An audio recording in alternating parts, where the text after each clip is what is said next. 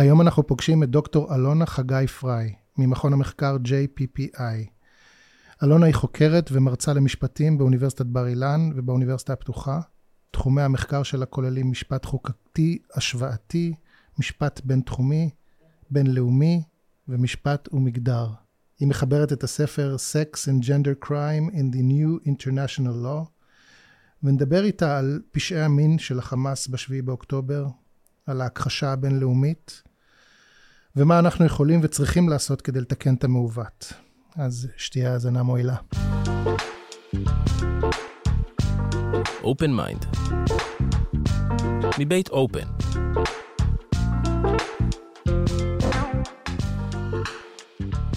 אנחנו במפגש הרביעי אה, במסגרת הפודקאסט Open Mind מבית Open, ובקצב שהדברים קורים ובקצב של המאורעות, אז אה, הקונטקסט של מתי אנחנו נפגשים הוא גם סופר חשוב כי הדברים משתנים מדקה לדקה. אז עכשיו אנחנו ב-26 אה, לנובמבר, וזה היום החמישים ואחת מאז פרוץ המלחמה אה, בעזה והטבח הנורא. אה, אני יכול רק בנימה אישית להגיד שאנחנו עוברים ימים, אני עובר ימים אה, מסובכים. אנחנו בעיצומם של הפעימות של ההסכם להחזרת החטופים בנגלה או בסבב הראשון. זה מורט עצבים, זה, אה, זה פשוט קשה מאוד מאוד מאוד. וגם הרגעים הקטנים של השמחה ושל הדמעות של האושר כשרואים אה, איחוד משפחות וילדים שחוזרים, הם עדיין מבחינתי לא מצליחים אה, להעיב, להקל על עוצמת הפגיעה והכעס והזעם וה... ועוד הדרך שאני מבין כמה היא עוד ארוכה לפנינו. אז חשוב לתת את הקונטקסט. בנוסף חשוב להגיד שהיום מצטרפת אליי נופר, סמנכ"לית הלקוחות של אופן, uh, לשיחה, שגם הרעיון לשיחה הזאת uh, שלך היה, אז uh, ניתן לך גם ככה להציג את ה... איך, איך הגענו לרעיון הזה. ואחר כך נגלוש לשיחה איתך, אלונה חגי פריי. פריי, מעולה. עכשיו אני לא אשכח. אמ, ואת תציגי את עצמך ו- ומה את עושה, ו- ושיחה מאוד מעניינת, והיום אנחנו למעשה מת- מתמקדים בנשים בחזית. נשים בחזית, נשים במלחמה, סוגיה חמה, בוערת, רלוונטית, כואבת. אה, וננסה להבין קצת את העבר של הסוגיה הזאת, את ההווה, מה אנחנו חווים כרגע. ואת העתיד. אז נופר, תני כמה מילים שלך ו- וישר נצלול. אוקיי. Okay. אז אני מכירה את אלונה כבר כמה שנים טובות. הילדים שלנו לומדים ביחד. אה, ואלונה היא מסוג האנשים שכשלעיתים רחוקות לצערי אה, פוגשים אותם ככה אה, תוך כדי היום זה כמו בוסט של אנרגיה חיובית ככה שפתאום מתמלאים בה. מעבר לזה, את פועלת בכל מה שקשור לעשיית טוב ונכון, חברתי בעיקר, ומאחורי הקלעים הרבה פעמים, אבל תמיד את קשורה לזה, תמיד אני רואה אותך, ובאמת, מעריצה אותך מהצד. ובשבוע האחרון ראיתי גם ראיון איתך, שמתייחס לכל נושא הפשעים המיניים במלחמה הזאת. ו... המלחמה הזאת, יש לה כל כך הרבה היבטים וכל כך הרבה אה, כאבים שנוגעים לכל אחד מאיתנו, וגם כמובן לי אישית, שזה פוגש אותי בתור אה, אישה ואזרחית, וחיילת לשעבר אפילו, כמה שזה קטן זה גם שם, אה, ואימא. ו, וכל הנושא של להיות אישה בתוך זה הוא מאוד מאוד מאוד טעון.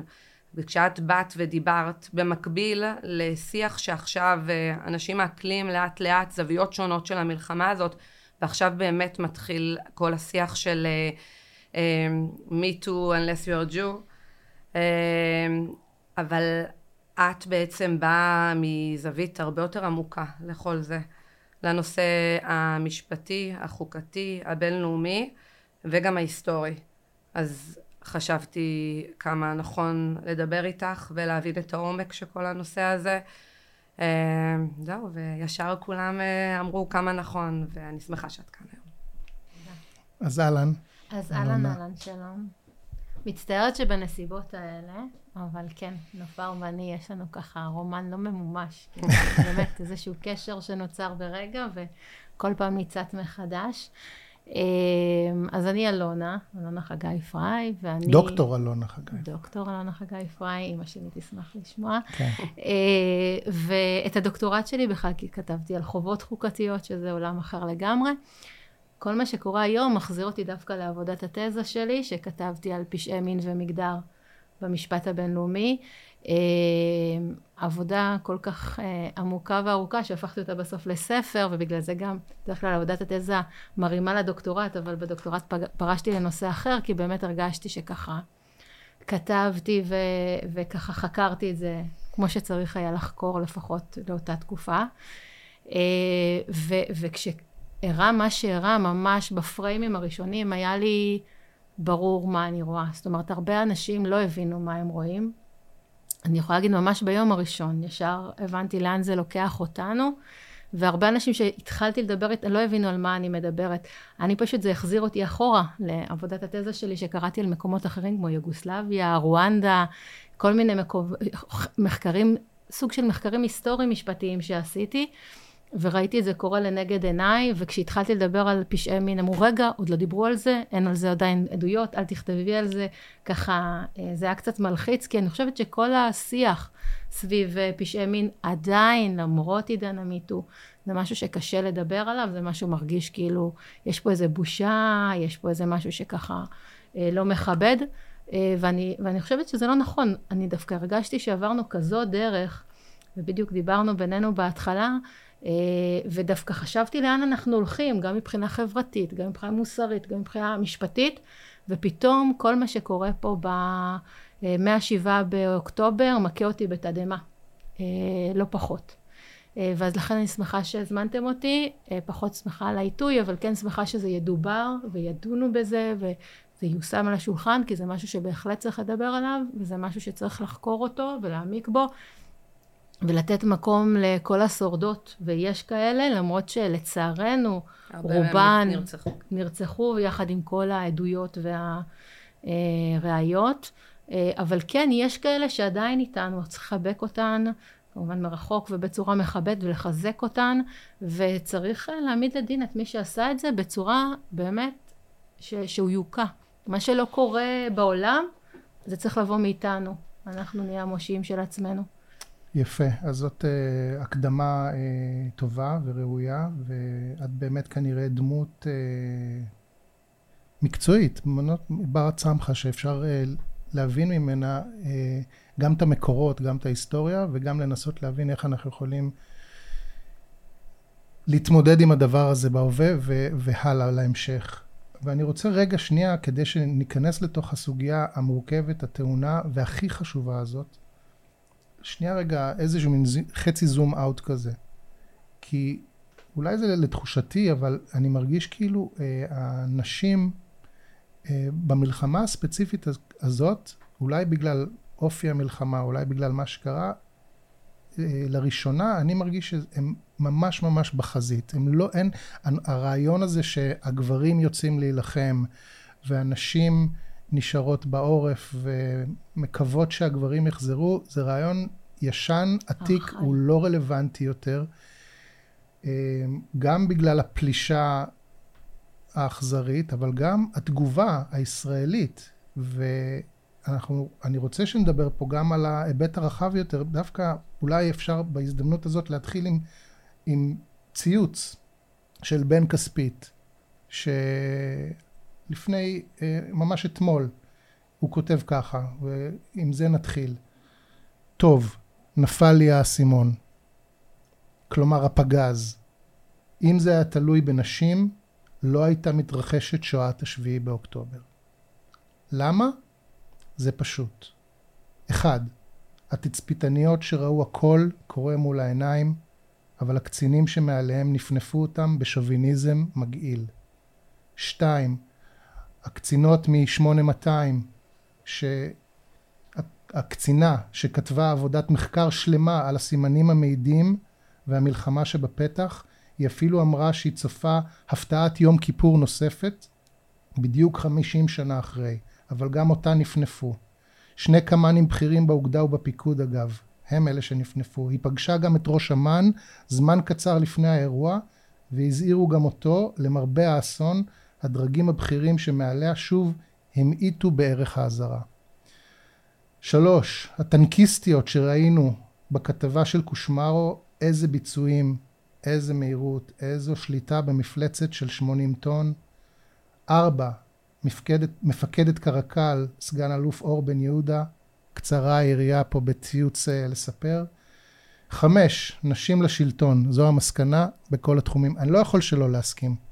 ובכל באמת. זאת אין אף אישה בדרג מקבלי ההחלטות עכשיו במלחמה. בדיוק, יש לנו אה, קבינט ללא נשים, אני לא יודע מה קורה בקבינט המורחב, אני מניח שאין שם ייצוג נשי, אנחנו יודעים באיזה ממשלה ובאיזה אה, מדינה אנחנו חיים, ו... איך בכלל מתחילים לדבר אז, על הדבר הזה? אז אני אתחיל לדבר על זה. אני אתחיל לדבר על זה שאת המחקר שלי התחלתי משם. התחלתי משם כי בעצם ההיסטוריה של פשעי המין שלא דוברו על פשעי המין. זה היה חלק מהמלחמה, קיבלו אותם. זה היה חלק ממשהו שהוא לא בסדר, אבל מותר, כמו שבוזזים רכוש. אונסים נשים. למתי זה? כלומר... אני, אני מדברת... זה פרה-היסטוריה? לא, ממש לא פרה-היסטוריה. אני מדברת עד אמנת ג'מנבה, 1949. Mm. אה, אני מדברת על שתי מלחמות עולם, על שתי טריבונלים בינלאומיים, בית הדין בנירנברג ובית הדין בטוקיו.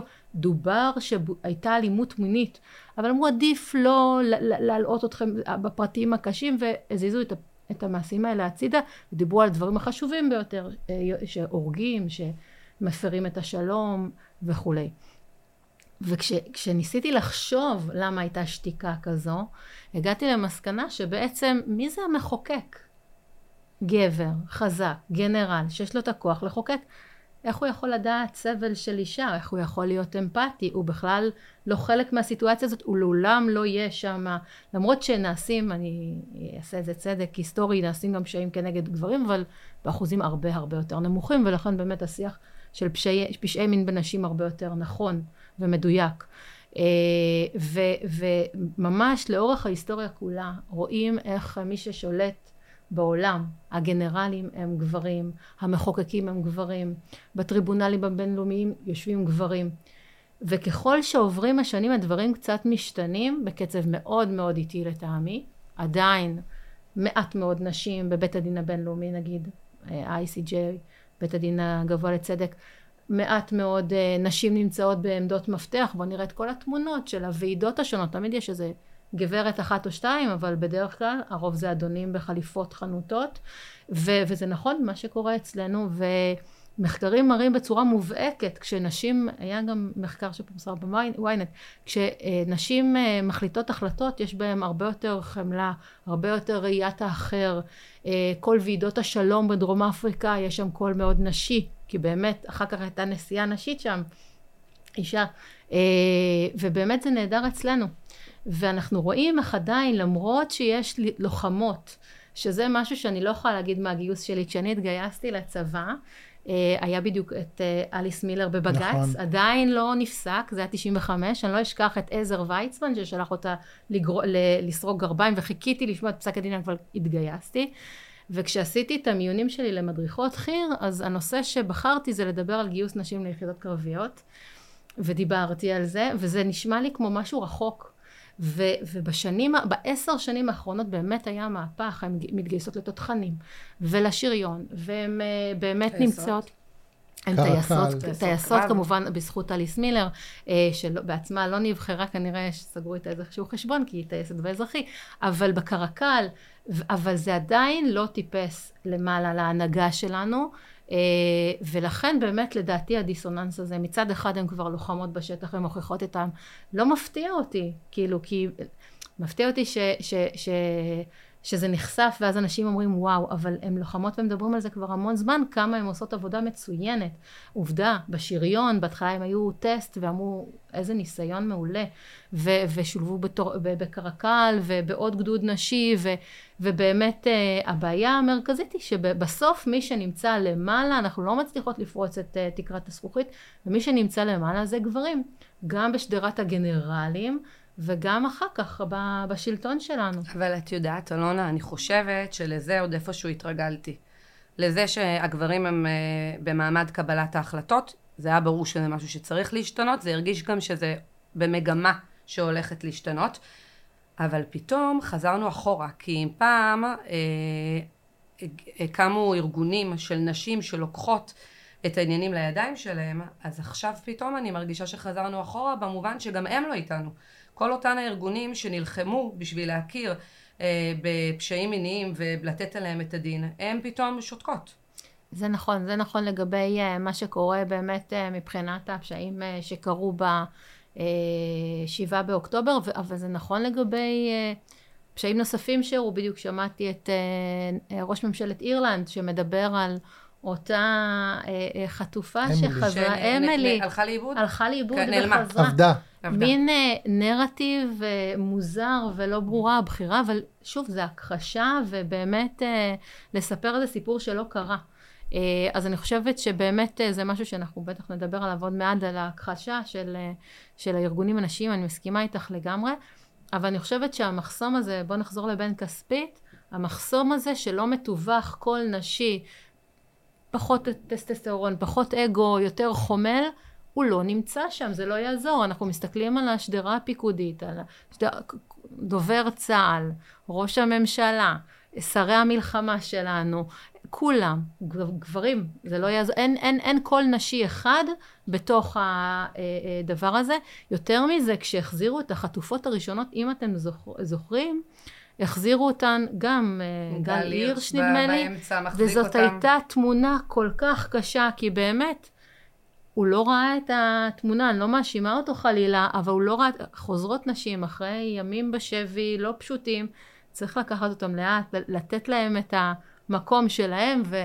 וכאילו הגאווה הגברית הזאת של הנה, השגנו הישג. הוצאתי אתכם משם. אז, אז זה ממש זה. Mm-hmm. לראות את האחר, החמלה, לשמוע עוד קולות חוץ ממי נגד מי ומי מנצח, זה משהו שמאוד חסר. פה כל כך הרבה דברים כן. בתוך האבק הזה, כן. ואולי אחד מהדברים שאנחנו יכולים לעשות פה זה לנסות טיפה להפריד ו- ולהסתכל על כל דבר בנפרד. אז אני רוצה רגע, שנייה, בואי נחזור לתיאוריה, לצורך okay. אוקיי. העניין. פשעי מין בזמן מלחמה, לא בזמן מלחמה, תמיד היו.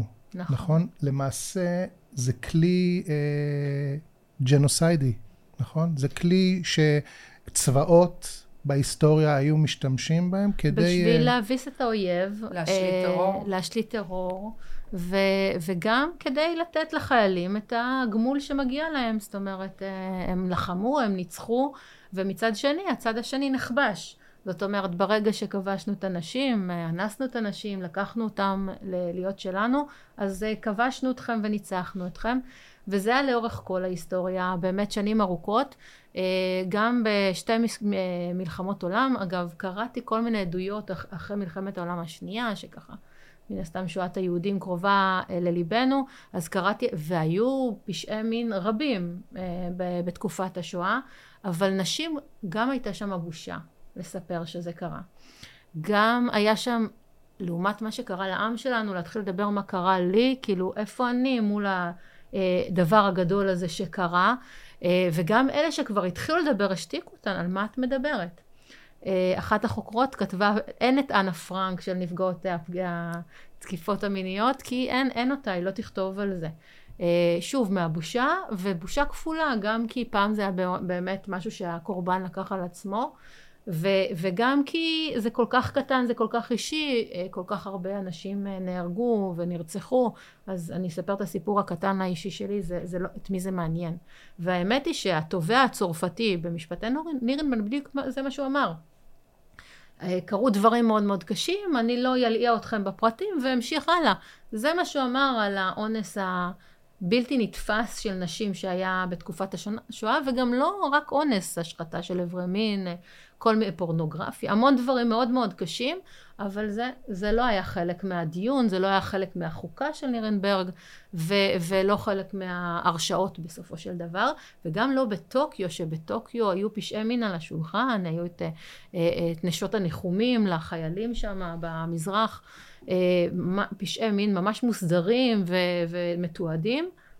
לא דובר על זה. אז מתי הדין הבינלאומי מתחיל... אז uh... פעם ראשונה שאני נתקלת במשהו שהוא לא איזושהי אמנה אזורית, היו כל מיני אמנות אזוריות פחות חשובות ורלוונטיות, כי זה לא היה בינלאומי, זה ב-1949 באמנות ג'נבה, כשיש לנו סעיף שמגדיר באופן ספציפי ורשמי שיש להגן על אוכלוסייה אזרחית, ובין השאר על כבודן של נשים, אה, שלא לאנוס אותן וכולי. הבעיה בסעיף הזה, שמדובר שם בצורה מאוד מאוד מפורשת על ההונור של הנשים. זאת אומרת, הדרת הכבוד שלהם, אה, הכבוד שאנחנו מכירים במובן הכבוד הערבי של אה, רצח על כבוד המשפחה וכולי, שאחרת היו משתמשים כמו בסעיף אחר בדיגנטי, ב-human dignity, שזה באמת הכבוד האישי שלי אה, כבן אדם, אה, כגבר, מן, ממש כתוב את זה בסעיף. ורואים את ההפרדה שהאמנה הזאת עושה. מעבר למשמעות באמת האקדמית נקרא לזה, יש לזה גם משמעות מבחינה פרקטית, משפטית. איך אפשר להוכיח אה, פגיעה בכבוד במובן של אונור? איך, איך מוכיחים כאילו את הפגיעה המופשטת הזאת? כאילו באיזשהו מובן, אבל אולי אה, פחות מודע, אבל עדיין מה שאת מצביעה פה ונשמע לי לא פחות מזעזע, זה שכשמדברים על הפגיעה בכבוד, זה עדיין מתייחס לכבוד של הגבר. חד משמעית. ולא של האישה. הכבוד השבטי. פוגעים בלאום, פוגעים בשבט, פוגעים במשפחה. כלומר, אנסתם את נשותינו, פגש, פגעתם בכבודנו. באוכלוסייה המקומית שלנו, מן הסתם. בעוד ב... שהדיגניטי מתייחס לאינדיבידואל, לאישה עצמה. לזכות שלה על, על גופה ועל... חד משמעית, ו, ושוב, מעבר למשמעות האקדמית של זה, המוסרית של זה, יש לזה גם משמעות משפטית, כי התביעה הזאת מאוד מופשטת. איך אנחנו מוכיחים תביעה בכבוד? אין פה איזה פגיעה פיזית שאפשר להוכיח אותה, שגם ככה היא קשה כשמדובר בפשעי מין, אבל פה איזושהי תביעה אקדמית מופשטת. ואז אז זו תקופה שנקרא לה תקופת הכבוד, כמובן שלא ראינו אה, תביעות בגין אה, פגיעות מיניות בתקופה הזו, ופעם ראשונה שבאמת מתייחסים לפשעי מין, כפשעים נגד האנושות, כפשעי מלחמה, זה אחרי הדברים המזעזעים שקרו ביוגוסלביה, בתחילת שנות התשעים, 1991 נראה לי, אה, כוננו את החוקה של בית הדין בנירנברג. ואחר כך, ממש שתיים, שלוש שנים אחר כך, אה, בית הדין הבינלאומי ברואנדה. אה, ושני, ו, ובאמת, אה, אם נתחיל ביוגוסלביה, זה כבר הוכר כפשע נגד האנושות. ממש נכתב בתוך החוקה, וראיות מגיעות, ויש פסקי דין שמדברים על אונס כעינוי. סוף סוף מסתכלים על המעשה האלים הזה ואומרים, זה מעשה בר תביעה, משפטית. זה לא משהו שקורה, כי, הוא, כי אין מה לעשות, הוא קורה. זה קורה ואסור שזה יקרה ו- וגם ישלמו, אה, אה, אפשר להגיש כתב אישום וגם האדם ייתן את הדין על מה שהוא עשה. וזה קרה? וזה חד משמעית קרה אחרי יוגוסלביה. בבתי דין בינלאומיים? כלומר, לא דין... רק ישראל תובעת את המחבלים, זה כבר משהו, או כל מדינה אחרת? ב... כשאני מדברת על בית הדין ביוגוסלביה, זה על הפשעים שנעשו ביוגוסלביה. אחרי זה ברואנדה הוקם בית דין אד אוקי למה שקרה ברואנדה, וגם שם אה, אפילו הכירו כג'נוסייד, שאפשר, אה, היה עיבורים כפויים של שבט אחד כנגד שבט שני כדי שהילדים יהיו אה, בעצם בני אותו שבט שמנסה לכבוש, והכירו בפשעי מין כ, כמעשה של ג'נוסייד, של רצח עם. אה, ואחר כך, בעצם כשהתחילו לדבר על אמנת רומא שהקימה את בית הדין הבינלאומי הפלילי, ה-ICC, שהוא בית הדין הבינלאומי הגלובלי, שהוא צופה פני עתיד, לא מתעסק באירועים ספציפיים, אז באמת הצליחו להכניס, למעט רצח עם, אה, פשע נגד האנושות ופשעי מלחמה, גם מעשים שהם מעשים מיניים, הקימו מחלקה לקורבנות בהבנה שצריך לתחקר אותם אחרת, להתייחס אליהם אחרת, לקורבנות עבירות מין. והייתה איזושהי באמת אה, אה, הסתכלות קדימה ובאמת פש, אה, פסקי דין שמתחילים להתעסק בזה מבחינת המשפט הבינלאומי הפלילי. זאת אומרת שאת הספר שלי, כשכתבתי אותו ב-2011, הסתכלתי בהמון תקווה שבאמת הפשעים הנוראיים האלה לא יהפכו להיות איזשהו משהו שהוא חלק מתרבות, אלא פשעים אסורים שהמשפט הבינלאומי מגנה אותם ואנשים ייתנו את הדין אם הם באמת יחצו ויעברו את העבירות האלה. ואם נחזור למה שקורה אצלנו, למה שנופר אמרה אה, קודם, ההלם שהיכה בי כשהתחלתי לקרוא את הדוחות, אותם דוחות שהייתי קוראת אה, בדבקות אה, בשביל עבודת התזה שלי, התחלתי לקרוא עכשיו על מה שקורה בעזה. ואני מסתכלת על הדוחות של ה-UN Women, שזה אחד הארגונים באמת המופלאים שהוקמו, שהוא זה שהניע את הכניסה לאמנת רומא, עשה עבודה מצוינת של לובי נשי חזק, פמיניסטי, לא מדבר על מה שקרה פה בשבעה באוקטובר. על אף הררי העדויות. זה פשוט לא ייאמן. מהפרמדיקים שפינו את הנפגעות ואת הגופות, עד אה, שורה, המחנה ששם קיבלו את הגופות. בסרט עצמו יש הרי עדויות. אה, בסרט עצמו, מי שצופה בו, אני לא ראיתי, אבל יש כמובן עדויות. אני גם לא ראיתי, אבל ראיתי עיתונאים, שמעתי. עיתונאים שמספרים על זה, וזה נשמע... נשמע שזה חד משמעי מה שקרה שם. הקורבנות עצמן, אה, יש כאלה ששרדו לספר, אה, ויש כאלה עדי ראייה ששרדו ממש מעט לעומת ההיקפים הבלתי נתפסים, אבל... אותן ארגוני נשים, וזה רק ארגון אחד שאני למדתי להריץ בתור סטודנטית, פשוט שותקים. ויש אז... פניות אה, של כל מיני פרופסוריות מהאקדמיה ושגרירות ונשים שבאמת עשו המון אה, בעולם הבינלאומי ועדיין זה לא מניע אותן, הן נשארות בשתיקה שלהן, שזה מדהים. אני גם אגיד יותר מזה, שיש פה עוד צעד נוסף שהדהים אותי, שלא רק שיש שתיקה, יש גם הכחשה. יש לנו כבר מספר מקרים, נתחיל עם אירניה אה, מלכת ירד, ירדן, ויש את אה, אותה ראש אה, מרכז סיוע לנפגעות תקיפה מינית בקנדה, באחת האוניברסיטאות, שפשוט מכחישות את מה שקרה. ומבקשות להביא לדין את מי שטוען שזה מה שקרה בשבעה באוקטובר, שבעיניי זה אפילו הרבה יותר מקומם מלשתוק, כי יש בזה צעד מאוד מאוד אלים לבוא לאותן שורדות, לאותן קורבנות ולהגיד להם, זה לא קרה, על מה אתן מדברות? כן. אז קודם כל, סאם פירסון מאוניברסיטת אלברטה פוטרה מתפקידה בתור כן. uh, ראש uh, מרכז לסיוע לנפגעות אונס, uh, אחרי ההתבטאויות, ה... אחרי הכחשת האונס שהיא... אבל היא לא רק הכחישה, היא גם החתימה על עצומה להעמיד לדין נכון, את מי שטוען את זה. נכון. שזה... אז פה זה מתערבב עם אנטישמיות ועם עוד כל מיני דברים, אבל רגע, שנייה.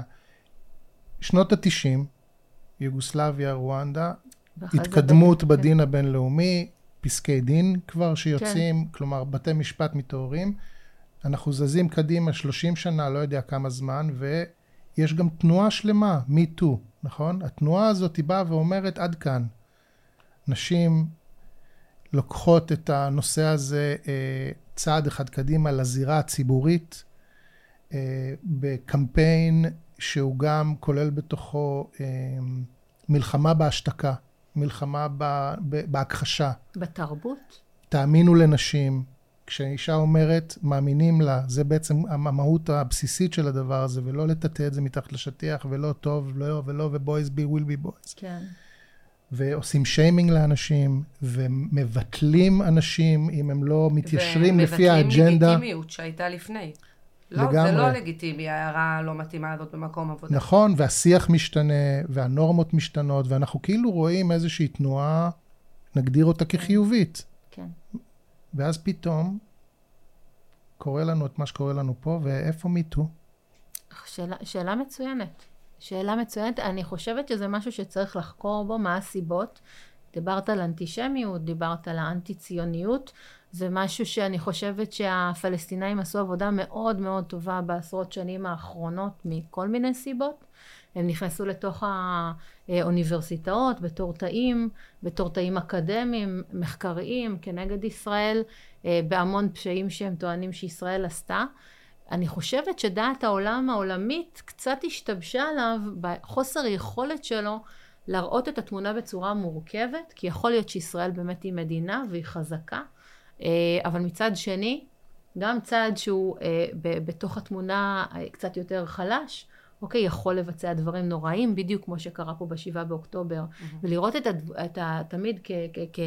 כתבניות של רע וטוב וחזק וחלש, לפעמים התמונה הרבה יותר מורכבת, בטח מה שקורה זה עכשיו. זה ברור שיש מורכבות, אבל מה שנראה שחסר כרגע זה בהירות מוסרית. חד משמעית. כלומר, יש פה איזשהו מצב שבו ממש חזרנו ללפני שנות ה-40.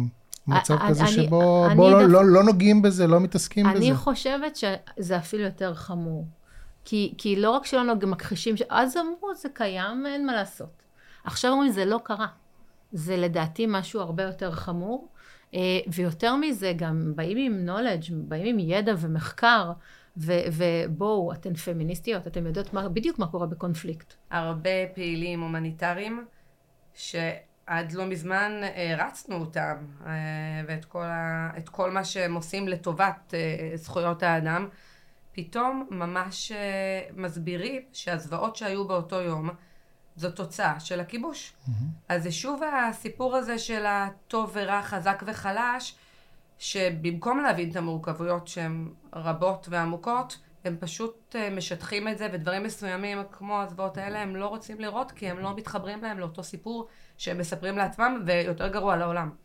אני רוצה לקחת את זה עוד יותר uh, קדימה ולהגיד שג'ודית באטלר, אחת הפמיניסטיות הפוסט-מודרניסטיות שלימדה אותנו שדברים הם מורכבים, שגבר הוא לא תמיד גבר, לפעמים הוא גם קצת אישה, uh, ככה הבינאריות, היא כותבת על זה כל כך הרבה, אפילו היא שותקת. שותקת. גינתה באופן uh, מאוד רפה. ניטרלי ורפה את שני הצדדים, אבל אפילו היא לא הצליחה לעשות את הסדר ולהגיד, יש פה תמונה מאוד ברורה. שום דבר פה לא אה, מטושטש. פה יש דברים מאוד ברורים של טוב ורע, ובמקרה הזה היה המון רע. ואפילו היא לא מצליחה לעשות את זה, וזו שאלה מדהימה להבין מה המקורות. אני חושבת לבוא ולהגיד רק אנטישמיות ואנטי ציונות, זה, זה, זה, זה תשובה, אין ספק. זה הסבר אחד. אבל זה הסבר אחד. יש פה משהו הרבה יותר עמוק למשהו שקורה כשאנחנו מדברים על פשעי, אנחנו עכשיו מדברים על פשעי המין, על פשעי מין, ו, ודמות שאנחנו מרגישים עליה איזושהי אמפתיה, ואנחנו כאילו מסרבים להאמין שאותה דמות יכולה לעשות אה, מעשים כל כך רעים. אז אני רוצה לשאול אותך, בשביל להבין את התמונה המלאה, איפה הנושא עומד כשזה נוגע למלחמה ברוסיה-אוקראינה? הרי גם שם מכירים שהיו שם פשעים מיניים מזעזעים. הקטע שאנחנו לא מדברים על עבר, זה עדיין קורה. ויש איזה סוג של התייחסות מצד בתי דין או מצד ארגוני נשים? לזה יש התייחסות? כמובן שיש דוחות לגבי זה, אבל זה עדיין in-going, זה לא קונפליקט שנגמר וככה עכשיו מסתכלים עליו רטרואקטיבית. כי בדרך כלל זה משהו שרק בסיום מלחמה באים ומנתחים ומענישים. בדרך כלל זה מה שקורה. בדרך כלל זה קורה בסיום הקונפליקט. בעבר היו מקימים בית דין דין רלוונטי, טריבונל אד-אוקי למקרה, והיום יש לנו את ה-ICC שהוא בית דין בינלאומי. לא בטוחה שרוסיה חתומה על אמנת רומא, אבל לא חייבים להיות חתומים בשביל שה-ICC יקנה סמכות. זה יהיה מעניין. מעניין מה יקרה שם. תראו, גם בסוריה קרו דברים uh, מטורפים, uh, פשעי מלחמה, פשעי, פשעים נגד האנושות, ואני בטוחה שגם פשעי מין, אוקיי? אבל מכיוון שזה משהו לאומי, בתוך אותה מדינה, ששוב, זה אונגוי, השליט עדיין אותו שליט, קשה לטפל בזה. פה אנחנו מדברים על שני צדדים, אוקיי? הצד הפלסטיני והצד הישראלי, ולכן באמת זה משהו שהיינו מצפים שאם מסתכלים על זה מהצד, איזשהו צד שלישי, יראו את הדברים נכוחה, בטח שמביאים את העדויות לפתחם של אותם אנשים שצריכים להביע את דעתם, שזה הקטע המזעזע בעיניי.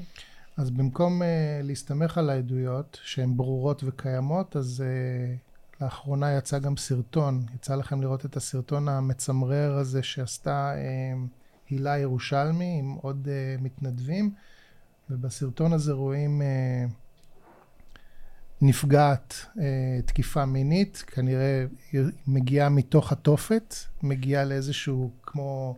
מרכז לנפגעות uh, תקיפה מינית, והיא מתחילה לספר את הסיפור שלה, נאנסתי, קרה לי, ומסתכלות עליה מזועזעות כמובן, ומתחילות לקחת את הפרטים.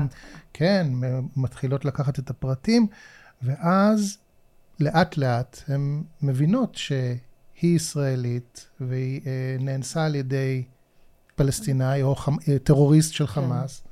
ואז הן אומרות לה, אנחנו מצטערות, אנחנו לא יכולים לעזור לך. כן. נכון.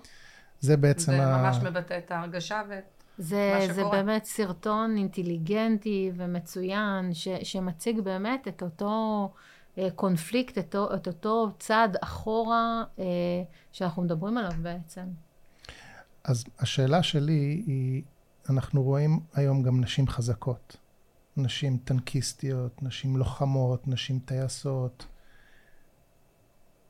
ואני חושב שרוב הציבור, אני לא יכול לדבר בשם כל הציבור, יסכים שזה ככה צריך להיות וככה טוב, ו- ו- וזאת העוצמה שלנו.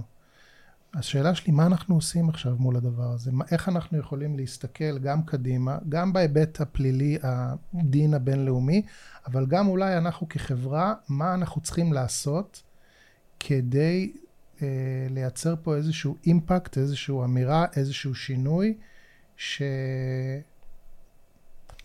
שאי אפשר ככה להמשיך עם הדבר אני הזה. חושבת שהתחלנו עם זה. אני חושבת שהשינוי מתחיל במקום שמקבלים החלטות. יש שינויים שצומחים מלמטה, אוקיי? אנחנו רואים גם קצת את זה, את החמלה, את העשייה של העם ביחד, את הרצון, את ה-togetherness, את ההתגייסות של 150% למילואים, בשעה שאמרו מי יתגייס שתהיה מלחמה. אה, אז אני חושבת שזה כבר שינוי, כי זה נשים וגברים ובאחוזים מאוד מאוד גבוהים מכל מגוון האוכלוסייה, אבל שינוי גם בטח בקבלת החלטות, ובטח בקביעת כללים, ובטח בשליחת מסרים לעולם, הוא צריך להיות גם מלמעלה. וכרגע אין ייצוג נשי בכל שדרות הפיקוד, גם בצה"ל ובכל הגופים, בכל הגופים. שר החינוך הוא גבר. אה, אתם מסכימים איתי שרוב הציבור שמחנך הם נשים. אם נסתכל על האוניברסיטאות, המקום שאני מגיעה ממנו, רוב הנשיאים הם נשיאים. אה, הדיקנים, רוב הדיקנים הם דיקנים ולא דיקניות. יש פה באמת, אנחנו רואים, כשאנחנו מגיעים לשדרה העליונה, נשים לא מצליחות לפרוץ את אה, תקרת הזכוכית, ולכן אני חושבת שממש כמו במקומות אחרים, צריך לחשוב על איך בהעדפה מתקנת לא לוקחים נשים לא ראויות, על זה אני לא מדברת. לקחת נשים אה, ראויות במודע. אוקיי? גם, גם כשרות, גם כחברות כנסת, בכל מפלגה. לא יכול להיות שמפלגות שלמות אצלנו במדינה הן בלי נשים בכלל. אני כמובן מדברת על המפלגות הדתיות, זה פחות, פשוט לא יכול להיות. אה, מה, אין אה, נשים חרדיות אה, ראויות, והן דרך אגב מנסות להגיש עתירות כל בחירות מחדש והן נדחות, כי בג"ץ לא מתערב אה, בהרכב של מפלגות, אבל זה, זה בעיה מאוד מאוד רצינית, ואנחנו רואים איך הגענו. למצב שאנחנו נמצאים היום, שבאמת מקום המדינה לדעתי יש אחוז, אה, לא היה אחוז כזה נמוך של נשים אה, בכנסת ישראל, וכפועל יוצא בממשלה, וכבר דיברנו על הגנרלים שהם, שהם יכול להיות ראויים, אלה שמנהלים את המלחמה שלנו, ועדיין אין שם קול נשי בנמצא. אז בטח שהדברים האלה יילקחו פחות בחשבון, פחות יראו את זה מזווית נשית, פחות אה, יראו את זה בצורה שבאמת אה, נותנת, נותנת מקום מורכב לכל מה שקורה פה. אתם יודעים, אני למדתי uh, פסיכולוגיה בתואר הראשון, וכשלמדנו על uh, הפרעות אישיות ועל תסמינים ועל מחלות בריאות הנפש ודברים כאלה, אז כמובן אחד מהפרקים, אני לא זוכר לגמרי את כל הפרטים, אבל אחד מהפרקים זה הנושא של היסטריה. כן. המונח היסטריה, מקורו במילה הלטינית לרחם. רחם. כלומר, היה איזה... משוייך לנשים. כלומר- מחלה, מחלה של נשים ממש. כן. ככה ראו את זה. בדיוק. והיה יש, היה איזשהו שיוך לזה שאם את היסטרית, כלומר, התופעה בכלל של היסטריה היא תופעה שהיא היא, היא נשית ב- במהותה. ו, ולא יכולתי שלא לחשוב, כאילו, התצפיתניות. על התצפיתניות. ממש. גם אני. לא יכולתי שלא לחשוב. עכשיו למה, איזה מין זלזול מה- והקטנה, ממש. חוץ מלהגיד מה שחסר לנו זה קצת. היסטריה פה. כן. לא, אני חושבת שמה שחסר זה הקשבה והבנה שהצד השני מבין על מה הוא מדבר, מוסמך לכך, ולבטל את הזלזול הלא מוצדק הזה על בסיס ג'נדר. באמת, אי אפשר לא לחשוב על זה. גם אני, כששמעתי את העדויות, ששמעתי כמה הם דיברו, ובמקביל את הביטול של הצד השני, גם קפצה לי המילה הזאת והתחושה הזאת של ה... אוי, אל היסטריות. תהיי היסטרית. ממש, ממש. אני, אני, מסכ... אני לא יכולה להסכים יותר, ו, ויותר מזה, אני אומרת, יכול להיות שבאמת אם היו נשים בדרג מעליהן, אז הן היו קשובות יותר, כי נשים באמת נוטות, זה מחקרית, כן? זה לא איזה משהו ג'נדריאלי שאני אומרת, נוטות לקבל יותר, לתת יותר משקל, לתת יותר משקל לשיח, ואני לא חושבת שהן היו מבטלות בהינף יד, כאילו עדויות מוצקות של נשים שעושות את העבודה שלהן בסך הכל. לזה אה, קיבלו אותן לצבא, לזה הסמיכו אותן, ואף אחד באמת לא, לא איתה להן אוזן. ו, ועל זה בן כספית בעצם אומר. ממש. לא רואים את כל התמונה, רואים חלק מהתמונה, ו, ו, ועבדנו. אה, שזה בעיה באמת מאוד מאוד רצינית. אז את מדברת על זה שהדבר החשוב שצריך לקרות חייב לקרות בדרגות הניהול וקבלת ההחלטות, שיהיה ייצוג יותר נשי, אני לא יכול להסכים איתך יותר. אבל בואו נסתכל רגע שנייה על ה bottom up, כי אנחנו וגם המאזינים שלנו רובנו לא יושבים בממשלה. אנחנו ב social media, אנחנו יושבים בטוויטר ובפייסבוק ובלא יודע איפה. יש hashtag me too, uh, עכשיו יש השטג חדש, too unless you're a Jew, נכון? נכון. כי אנחנו רואים שה me too הוא עושה אפליה בין אישה ואישה. צריך לראות מאיפה את. לפני שאת אישה, את גם uh, ישראלית או יהודייה. ואני אומר, מה, מה עוד אנחנו יכולים לעשות? דרך אגב, בתקשורת הישראלית וגם בתקשורת בעולם, רואים ייצוג נשי מכובד. לא רק גברים יושבים בפאנלים, יש גם נשים יושבים בפאנלים, אז כן רואים יותר נשים. אני אומר, מה עוד אנחנו יכולים לעשות, האנשים, החברה, כדי מלמטה לדחוף את הדבר הזה, ולא רק כהשטג, אלא כבאמת עשייה, באמת כמשהו שישנה מהותית את התפיסה ואת הצדק ואת האמת מאחורי הדברים. אני מרגישה שבשבוע האחרון כן הנושא הזה מתחיל לעלות לכותרות, גם ברמה הבינלאומית. אני לא יודעת אם נחשפתם לסרטון של משפיענית חזקה בארצות הברית שהלכה ברחובות בברלי הילס. אה, ראיתי את זה. כמו נעמה לוי, אה, עם אזיקים ומוכתמת מדם. כן. ואיך הציבור שם הסתכל, אה, זה מזעזע וזה עוצר, ואני מקווה שזה גורם לחשוב ולהבין. גם אתמול בעצרת עם המשפחות החטופים, אז גם התחילו להגיע אנשים וגם לצעוק את אותה צעקה של me too unless you're Jew. אני רואה בימים האחרונים יותר מודעות לכך, אה, וזה צריך לעלות למעלה, זה חייבים איכשהו להבין שלפתור את הדיכוטומיות הזאת ולהבין את המורכבות. ולשים דגש על הזוועות האלה. אז אני רוצה לחזק את מה שנופר אומרת, אני חושבת שככל שנדבר על זה יותר, נצ... לא נשכח. נציף את זה יותר, נדבר על זה, נסריט את זה, נמחיש את זה, לא ניתן לקריאטיביות שלנו לצוף, זה, זה יציף את זה, mm-hmm. לא, לא יהיה ברירה אלא להקשיב, ושוב, מכל מיני זוויות, ואני חושבת שמכל מיני מקומות שיש לנו את הכוח בהם, אם זה היצירתיות, אם זה הייטק, אם זה באמת אה, היכולת שלנו להגיע לכל מיני קהלים, כי יהודים נמצאים בכל מקום כמעט בעולם. אז אני חושבת שזה דבר אחד, אבל יש עוד דבר שמתחבר לי דווקא לדוקטורט שלי. אני חושבת שצריך ללכת ולהצביע. עוד רגע אני בטוחה שתהיינה בחירות, יש לי הרגשה כזו. תחושת בטן? תחושת בטן. אחוזי ההצבעה אצלנו במדינת ישראל מאוד מאוד נמוכים. לא ביחס לעולם, ביחס לעולם אנחנו בסדר, אבל ארה"ב זה 45 ואנחנו לא רוצים להגיע לשם. אנחנו כן רוצים להגיע לאחוזים הרבה יותר uh, מייצגים את האוכלוסייה. ובאוכלוסיות מסוימות אצלנו אחוזי הצבעה מאוד מאוד גבוהים. ובצד המתון, המרכזי, הגדול, בעצם אותו רוב אה, שעכשיו אה, אה, אנחנו מדברים עליו, שרוצה באמת ליצור מציאות חדשה ולערב נשים וכולי, שם דווקא אחוזי ההצבעה הם נמוכים, ואני חושבת שזו הדרך שלנו, ללכת ולהצביע. אני בכלל חושבת שצריכה להיות חובת הצבעה, כמו ב... אה, אוסטרליה, כמו בבלגיה, כמו בהרבה מדינות, ש, שזה חלק מהחובה האזרחית, מחייבים אותנו לשרת בצבא, מחייבים אותנו לשלם מיסים, אז גם יש חובה לבוא ולהצביע כדי באמת שתהיה הטרוגניות וככה שהקול של כולם יישמע, זה חובת... אני מאוד מקווה שתהיה הפקת לקחים מהתוצאות אה, הבחירות האחרונות. ולכן אני באמת, אה, אם, אם אני אוכל להשתמש בפלטפורמה הזאת, אז... את רצה לכנסת, זה מה שאת לא, אומרת? לא, ממש לא. לא, אני אשאר באקדמיה. אבל אני אגיד שני דברים. אחד, להמשיך ולדבר על זה, לא להגיד, לא, לא להגיד נואש. אנחנו היום חיים את המדיות החברתיות, אנחנו צור, צרכנים שלה, ו, וזה המקום. לעשות על זה מחקרים גם באקדמיה, אבל גם להציף את זה, כל אחד מהתחום שלו. ודבר שני, ביום שתהיינה בחירות, לא להישאר בבית ביום חופש, ללכת ולהצביע ולהשפיע. נכון, אף פעם לא נמצא את המועמד שהוא באמת my cup of tea, אבל אנחנו נמצא את המועמד, המועמד שהכי, או המועמדת, שהכי משקפת את מה שאני חושבת, לפחות באחוזים גבוהים, ואני אצביע לה.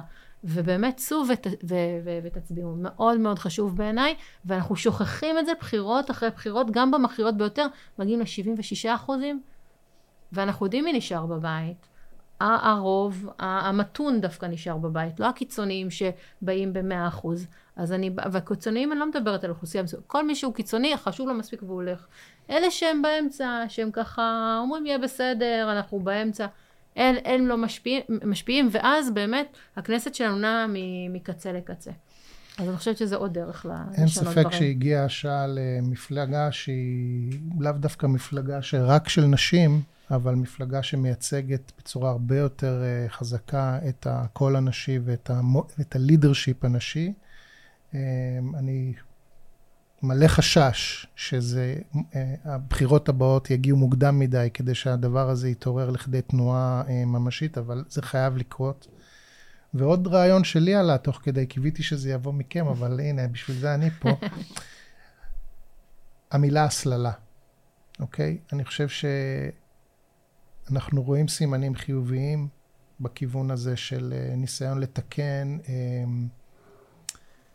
הטבעה תרבותית מגילאים מאוד מאוד מוקדמים של מה זה בן ומה זה בת ומה זה אה, ורוד ומה זה כחול ומה זה אתה יכול לשחק בכדורגל ואת תלכי לצייר עם החברות ולשחק בקלאס.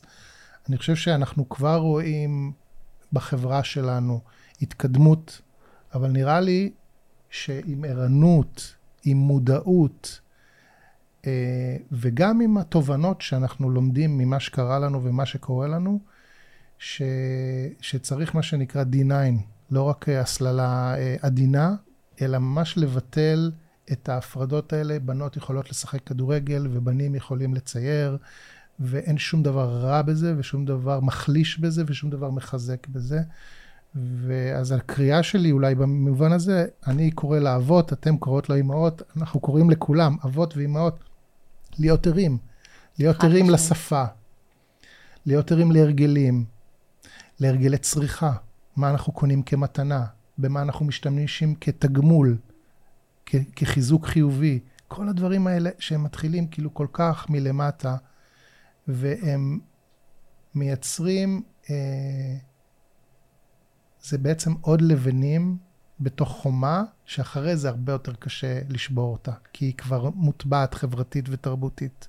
אני, אני פשוט מסכימה, אני חושבת שנופר מכירה אותי קצת ואת הילדים שלי, אני מלמדת אותם מגיל אפס.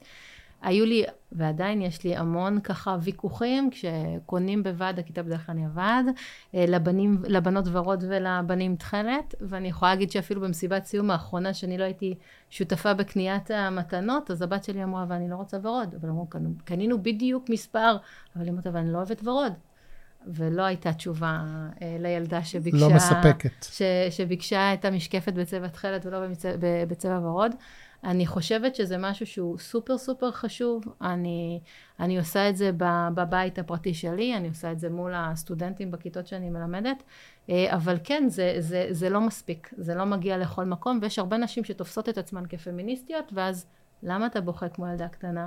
וזה, לי זה צורם באוזן, והילדים שלי גם יעירו, שזה כיף, שהפצתי את הבשורה, יותר, יותר מזה, לפעמים הם גם מתקנים אותי כשאני מנסה להיות קצת יותר ככה ניטרלית. רכה? רכה, כי, כי לא תמיד בא לי להיות לוחמנית וככה להטיף, אני בוחרת את המלחמות שלי, אז אין, הם כבר בחזית, mm-hmm. ו, והם אה, אה, נלחמים, ואני מקווה שזה יצוף ויתגלגל הלאה, וזה באמת משהו שצריך להאיר עיניים גם היום ב-2023. באמת, אה, אפילו הגזרה של הבנות היום זה משהו שאני לא יכולה לעכל. האופן שבו באמת מעצבים בגדים של בנות מול בגדים של בנים, זה אומר הכל, כאילו מה, אישה, הילדה בת הארבע, חמש, שש צריכה להיות חשופה וללכת עם גוזייה ומכסה, לא, אני לא מבינה עדיין את האופנה הזאת עד הסוף. אה, ואנחנו צריכות באמת אה, לבוא ולחשוב, אה, באמת לכל אחד מותר להתחפ... להתלבש ולהתחפש איך שהוא רוצה, אבל צריך לחשוב אם באמת אנחנו מאפשרים את כל האפשרויות. אנחנו מאפשרים באמת לבחור את כל הצבעים, ואני מסכימה איתך לגמרי, זה משהו שצריך לקחת אותו בחשבון. טוב, אני חושב שבהיבט הזה אנחנו נוגעים בקצה הקרחון. ממש. ואנחנו כאנשים שמתעסקים בעיצוב ובמיתוג ובתודעה חברתית ותרבותית, אני, אני חושב שגם אנחנו חייבים להיות יותר ויותר ויותר מודעים ויותר קשובים אה, לסוגיות האלה. אה, אלונה, תודה שהארת את עינינו ופתחת לנו את הראש, שזה בעצם המטרה של הפודקאסט הזה. אז אה, נתת לנו הרבה. איפה אנשים יכולים לעקוב אחרייך או למצוא דברים שאת מתעסקת או כותבת? יש לך איזה... א', יש לי את הפייסבוק שלי. אוקיי. אני מודה שאני פחות חזקה ב... ברשתות. ב-PR, אולי אוקיי. נופר תעזור לי, אבל כן, פה. יש את הפייסבוק, ואני מעלה שם דברים שככה אני כותבת ומשתתפת בהם. מעולה. אז, אז מומלץ. ו, ומומלץ לכל המאזינים, גם שלנו, גם לעקוב אחרי הפודקאסט הזה בכל הישויות, אם זה ספוטיפיי או אפל או ביוטיוב אנחנו עולים, ו... ולייצר איתנו שיחה, לשאול אותנו שאלות, להעיר הערות, אנחנו ניזונים מתגובות ואנחנו משתפרים תוך כדי תנועה, וכמו שאתם רואים, לא חסר על מה לדבר, אז uh, אנחנו מקווים שכולם נהנו, ותודה לנופר, תודה לאלונה, תודה, לכולם. תודה למי שהקשיב. תודה למי שהצליח לשרוד עד כן, עכשיו, ולי היה מרתק. ושיהיו לנו בשורות טובות, אמן. ממש. רק בשורות טובות. ימים... שיגמר כבר כן, הדבר הזה. כן, ימים שקטים ובשורות טובות, כן. תודה. תודה רבה.